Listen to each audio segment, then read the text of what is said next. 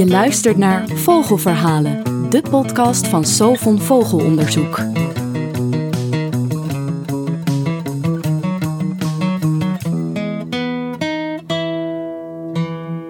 Nou Marcel, laatste werkweek van het jaar. Ja. En jij kwam op de valreep nog met een goed idee. Ja, ik dacht, weet je, ik dacht laten we gewoon eens terugkijken naar dit jaar, 2023.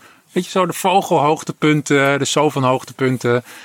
Een beetje doornemen en eh, dit- dat is heel leuk. En ik denk, ja, misschien kunnen we ook een beetje vooruitkijken alvast naar 2024. Ja, een beetje wat voorpret creëren voor onze luisteraars. Ja. Lijkt me een heel erg goed idee. Ja, nou dan gaan we dat doen. Dus dan is het bij deze leuk dat je luistert naar de eindejaarspodcast van Sovon.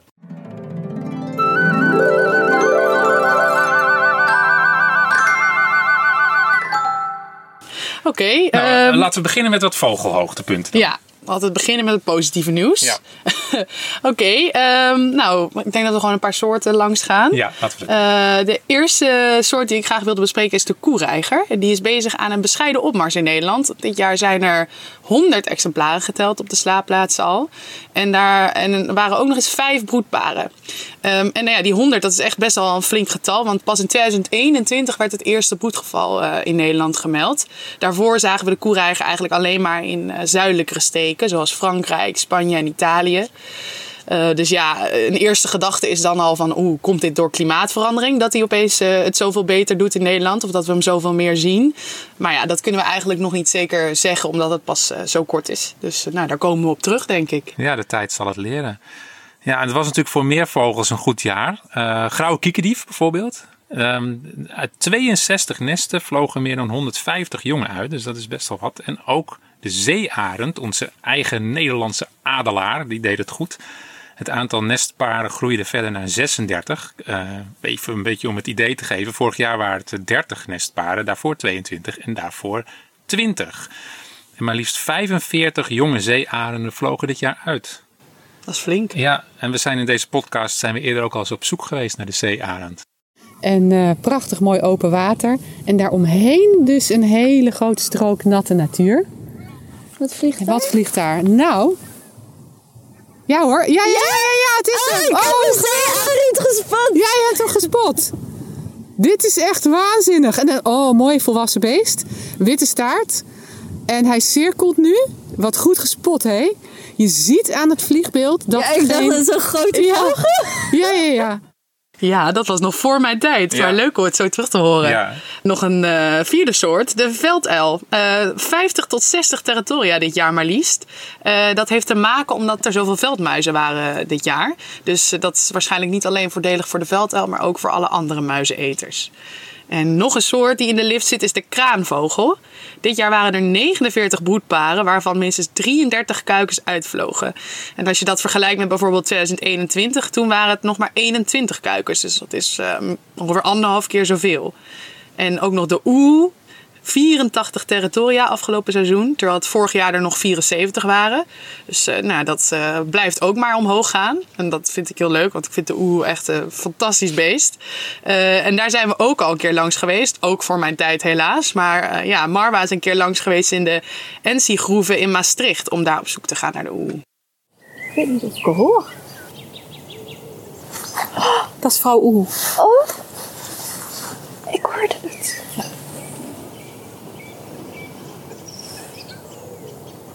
Hoor je het nog? Ik hoorde alleen de eerste. Ja, ik hoor hem nog steeds. Ik maar het heel zachtjes. Ja, ik denk dat het fabrieksterrein zit. Is dat er? Dat is vrouwtje, ja. Ja, leuk. Ja, en dan misschien wel het succesnummer van 2023, de steltkluut. Eh, een beetje een maffe vogel. Die lijkt een beetje zo in elkaar geknutseld van verschillende soorten. Maar het is, ik vind het een prachtig beest. En ehm, vele vogelaars met mij, denk ik. En er waren, er waren zeker 140 broedparen in bijna alle provincies eh, te zien. En vorig jaar waren het er 82. Dus dat is echt flink Wow, gegroeid. Dat is gewoon Ja. echt bijna twee keer zoveel. Ja, en dan denk je, hoe dat gaat goed. Maar ook deze soort kan flink fluctueren. Eh, ze zijn sommige jaren heel zeldzaam. En soms zijn het meer dan 100 paar die dan een broedpoging wagen. Eh, en je moet bedenken dat de steltkluut eigenlijk al vanaf 1931 in ons land broedt. Dus het is echt niet dat het de laatste jaren dat hij er pas is of zo. En het lijkt erop dat het aantal steltkluten bij ons heel erg hoog is als het in het zuiden droog is in het voorjaar. En Ja. dat, was, dat was dit jaar ook. Interessant. Ja. Klinkt alsof we ook een keer een aflevering over de steltkluut moeten doen Nou, dat misschien. zou best leuk zijn, ja. ja, goed, zetten we op de lijst. Maar goed, het zijn natuurlijk niet alleen maar hoogtepunten. Hè. Er waren ook wel een paar dieptepunten. Ja, en die kunnen niet ongenoemd blijven Nee. natuurlijk. Want we willen het, eh, het hele beeld vertellen bij Sovon. Ehm, nou ja, een, een eerste dieptepunt eh, is helaas de kwartelkoning. Die blijft maar terrein verliezen. Afgelopen jaar zijn er maar negen territoria geteld in ons land. Eh, dan moeten we wel gelijk zeggen, respect voor de negen vogelaars. Als het negen verschillende vogelaars zijn die deze vogels hebben gehoord. Want om kwartelkoningen te tellen moet je dus s'nachts op pad. Dan moet je door de hooilanden en langs de uiterwaarden op zoek naar de kwartelkoning. En maar hopen dat je er een hoort. En die kans wordt dus steeds kleiner. Dus eh, ja, het vraagt wel wat motivatie om er naar op zoek te gaan. Ehm, ja, als je ook op zoek wil gaan naar de kwartelkoning volgend jaar, moet je natuurlijk weten hoe die klinkt. Nou, die klinkt dus zo.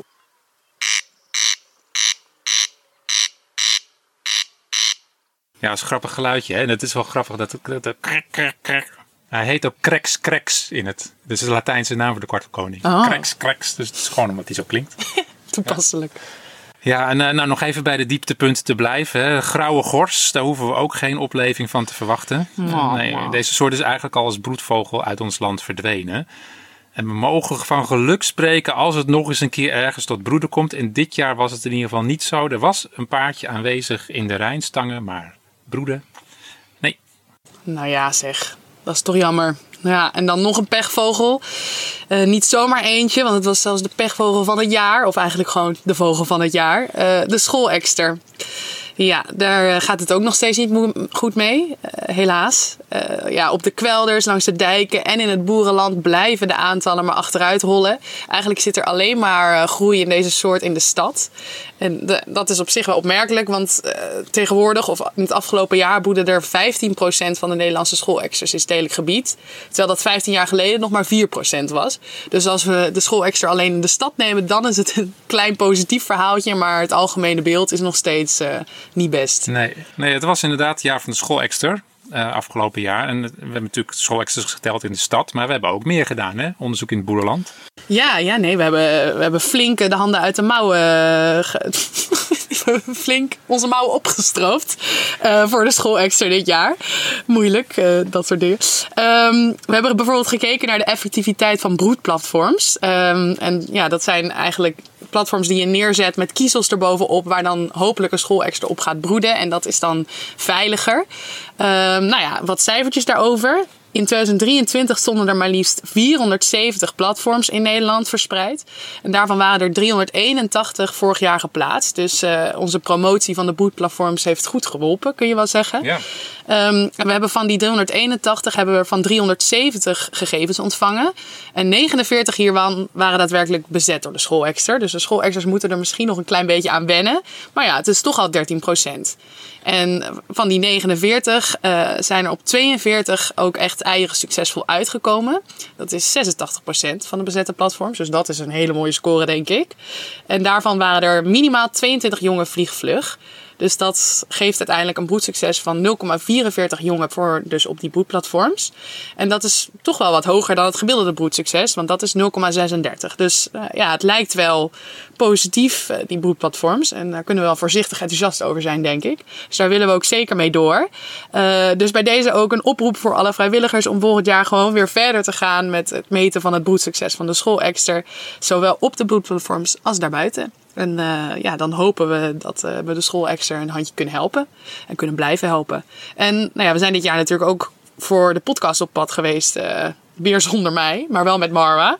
Ehm, om een kijkje te nemen bij die broedplatforms. En je hebt hier, deze hier dan in het water neergezet. En ze staan op een soort van houten palen. Met daarop een kratje en schelpen. Zie ik dat goed? Ja, dat klopt. Het zijn gewoon, eh, in principe zijn het van die bloembolletjes met een gazen bodem. Nou, daar heb ik dan eh, hout eh, onder gemaakt. En dan eh, op palen bevestigd. En dan, zie je, en dan moeten ze hier in principe op gaan, op gaan broeden. En er zijn al, al meer van dit soort projecten geweest, maar dan wat kleinschaliger. En daar zijn ze al succesvol. Ehm, maar ook hier voor de visdief. Maar misschien gaat die er ook wel op zitten. Genoeg over vogels, eh, dacht ik zo. Ehm, laten we eens even bij de vogelaar zelf eh, stil gaan staan. Ja, ook niet onbelangrijk. Nee, precies. Want Sovon bestond natuurlijk dit jaar 50 jaar. Eh hoera! ja, we hebben er natuurlijk veel aan gedaan. Maar ik wil één ding er toch wel even uitleggen. En dat is die Live Atlas Challenge. Ehm, want we dachten een jaar geleden van... Nou, wat is er nou feestelijker dan lekker het hele jaar vogels tellen? Niks. Ja, dat is toch hartstikke leuk. En dan ook nog met een soort wedstrijdelementje erin. Dus wat, wat hebben we gedaan? We hebben dan over de kaart van Nederland allemaal vogelfiguren uitgestrooid. Eh, en die, die waren dan opgebouwd uit pixels. En elke pixel was dan een kilometerhok. Dus dan eh, zie je allemaal plaatjes van vogelsoorten. Eh, en, en als je dan die vogelsoorten telt, kon je die figuren inkleuren. En dan was dus de bedoeling om een hele vogel compleet te krijgen.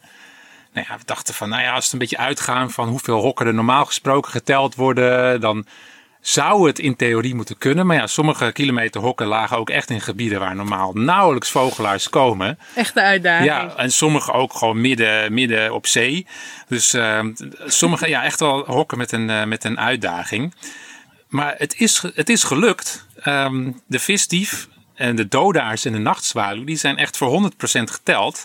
En de visdief zelfs twee keer. Zo hé, Ja, iemand dus- vond de visdief heel leuk. Ja, dat is in Zeeuws-Vlaanderen. Dat is een hele fanatieke telgroep. Hij heeft daar twee keer die hele visdief geteld. Wat goed. Ja, ik vind het echt ongelooflijk hoeveel mensen hebben meegedaan. En hoeveel meer vogels er ook daardoor zijn geteld afgelopen jaar. Dus niet alleen vogels op de kaart, maar ook daadwerkelijke vogels. Precies, dus Ja. het zou heel mooi zijn als we die lijn in 2024 ook kunnen volhouden.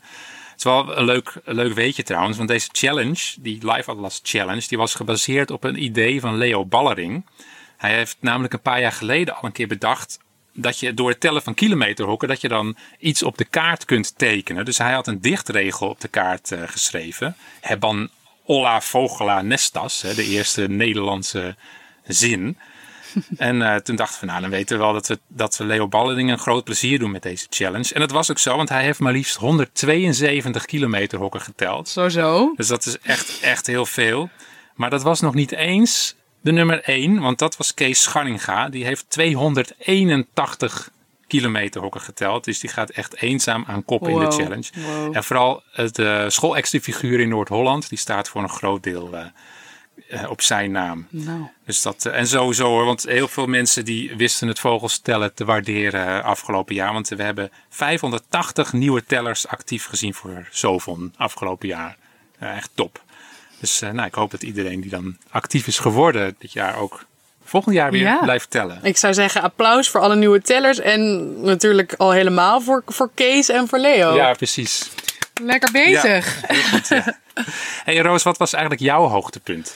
Goeie vraag. Ja, ehm, dat is eigenlijk best wel makkelijk. Want ik ben natuurlijk pas sinds dit jaar bij de podcast gekomen. Dus eh, eigenlijk is de podcast helemaal mijn hoogtepunt. Maar als ik dan iets uit moet kiezen eh, binnen, binnen alles wat we hebben gedaan het afgelopen jaar, dan ga ik toch wel voor eh, mijn avontuur met eh, de Rode Wouw in eh, Overijssel. Waar ik eh, samen met Mark Sekhuis en met Maurice, onze geluidstechnicus, op pad ging om op zoek te gaan naar broedende rode wouwen. En we op een gegeven moment er ook echt een van heel dichtbij zagen wegvliegen. En dat was zo ontzettend indrukwekkend. Dat ga ik echt nooit meer vergeten. Dus die hele dag, die, eh, die zou ik zo in kunnen lijsten. Ja, dat klonk ongeveer zo. We moesten net heel stil zijn om eh, dicht bij het nest om eh, de mogelijke rode wouw zo min mogelijk te verstoren. Dus eh, we keken met onze verrekijker naar het nest en we zagen gelijk een, een, lap hangen, zoals Mark net al beschreef. En toen vloog inderdaad een rode wouw weg van het nest. Dus we zijn nu live aan het kijken naar hoe die om ons heen vliegt. En dat is een vrij indrukwekkend gezicht. Dus ja, wij kunnen ons geluk niet op. Wauw. Heel mooi. Ik zei wauw. Ah, wauw. ja, het is gewoon een logische reactie. Wauw. Hij is zo mooi. En jij Marcel, wat was jouw hoogtepunt? Ja, nou ja, eh, ja, ik zoek het hoogtepunt dan ook maar in de domeinen van de podcast. Voor mij was het eh, bezoek aan het verdronken land van Saaftingen was echt een hoogtepunt. Daar zijn we naartoe geweest voor de opnames voor de Tureluur. Het is sowieso een heel bijzonder gebied. Ehm, maar het was sowieso al heel bijzonder om er te komen. Je moet echt langs Antwerpen, dwars door het havengebied. En, en al die verlaten landerijen eromheen voordat je dan in Zeeuws-Vlaanderen uitkomt. En we hebben gezien hoe de Hedwigepolder er nu bij ligt, die, eh, die pas onder water is gezet. We hebben grasszangers gezien, baardmannetjes gezien en gehoord allemaal natuurlijk. En vooral heel veel muggen gezien en ook gevoeld. Iets te veel misschien. Ja, moet je maar eens luisteren naar dit voorproefje van die aflevering. Ja, willen we hier even nog rondlopen en uh, zoeken of we nog een tureluur tegenkomen? Of, uh, wat we is kun, ja, we kunnen nog een klein stukje verder kijken. Gewoon alleen ja. al eens voor jullie, uh, voor jullie beleving om even een stukje Safingen te Ja, precies. En dan gaan we straks nog eens even kijken naar die slikranden. Ja, klinkt helemaal goed. Oké. Okay. Ja, want we zijn nu eigenlijk op een plek waar we normaal gesproken niet mogen komen. Dus het is nee, klopt. unieke ja. mogelijkheid. Marcel is net al een keer gevallen, dus we hopen dat we allemaal overeind blijven. ja, Marcel heeft al één natte broekspijp. Dus kiezen of erin. Oké, okay, we hebben op obstakel. Ja. ja, jullie zitten ook nog aan Ja, Marcel zit er ook overheen. Droog. Droog. Ja, we veranderen langzaam in giraffen met stippen van alle muggenbulten. Alles voor de podcast. Ja, dat was uh, een heel avontuur inderdaad. Niet Ja. alleen de reis zelf, maar ook onze reis door het verdronken land. Ehm, maar goed, dat was dus 2023. Ja. Lijkt me ook wel goed om eh, vooruit te kijken naar volgend jaar. Ja, 2024 is het alweer. Ehm, ja, wat staat er eigenlijk volgend jaar allemaal op het programma? nou natuurlijk het jaar van de huismus. Ja, Zeker. eh, dus samen met de merel is de huismus eh, de talrijkste broedvogel van Nederland. En de laatste jaren zit de huismus echt wel weer in de lift. Maar ten opzichte van 1980 is de soort alsnog met zo'n 60% afgenomen. Eh, en in het jaar van de huismus willen we onderzoek doen, zodat we ervoor kunnen zorgen dat de stijgende lijn die de huismus nu vertoont, dat die, die ook kan vasthouden. Eh, en een leuke activiteit die we vast kunnen verklappen is de telling Waar huist de mus? Hele goede naam. Ja, hele goede naam. Want we willen heel graag weten welke nestplaatsen de huismus allemaal uitkiest. Daar kan de vogel toch best wel creatief in zijn. En we willen ook weten welke nestplaatsen dan het meest populair zijn. Eh, want dat ja, is, is kennis die je natuurlijk heel handig kunt gebruiken bij een betere bescherming van de soort. Eh, en dat is echt een telling waar iedereen aan mee kan doen in het voorjaar. Dat is ook helemaal niet moeilijk. En voor fanatieke tellers die net wel wat meer willen doen, eh, die kunnen ook proberen om eh, in, in hun omgeving alle huismussen te inventariseren in, in eh, afgekaderde gebiedjes, zodat je ook echt een goed beeld krijgt van de, van de verspreiding. Dus de- maar daar gaan we begin volgend jaar nog zeker eh, meer over vertellen. Voor ieder wat wils dus, zo Ja, te horen. zeker. Ja, en meer vertellen, dat lijkt me dat we dat in een podcastaflevering gaan doen, toch? Dat denk ik wel, ja. Ja. nou, over fanatieke tellers gesproken. Eh 2024 is niet alleen het jaar van de huismus, maar het is ook nog een integraal waddenjaar. Een integraal waddenjaar, dat is het eens in de zes jaar. Dus de vorige keer was in 2018. En tijdens zo'n integraal waddenjaar tellen we alle kustbroedvogels in de hele Waddenzee. Dus niet alleen in Nederland, maar ook in Duitsland en Denemarken. Dus dat wordt een flinke klus volgend jaar. Maar wel super waardevol om weer een volledig beeld te krijgen van hoe het ervoor staat eh, met alle kustbroedvogels. Dus dat gaan we ook zeker in de gaten houden. Ja, ik voel al een reisje naar de Wadden eh, aankomen. Geen voor- straf. Voor deze podcast. Ja, ja en, ik, en verder hoop ik natuurlijk dat er sowieso volgend jaar weer heel veel geteld gaat worden. In de winter, in het broedseizoen, in de stad, in de natuur of op het boerenland of waar dan ook, waar er maar vogels zitten. Eh, ik, ik ga dat zelf in ieder geval wel doen en ik heb daar ook onwijs veel zin in. Zeker weten, ja. Ik kan niet wachten voordat het eh, weer lente wordt. Ja.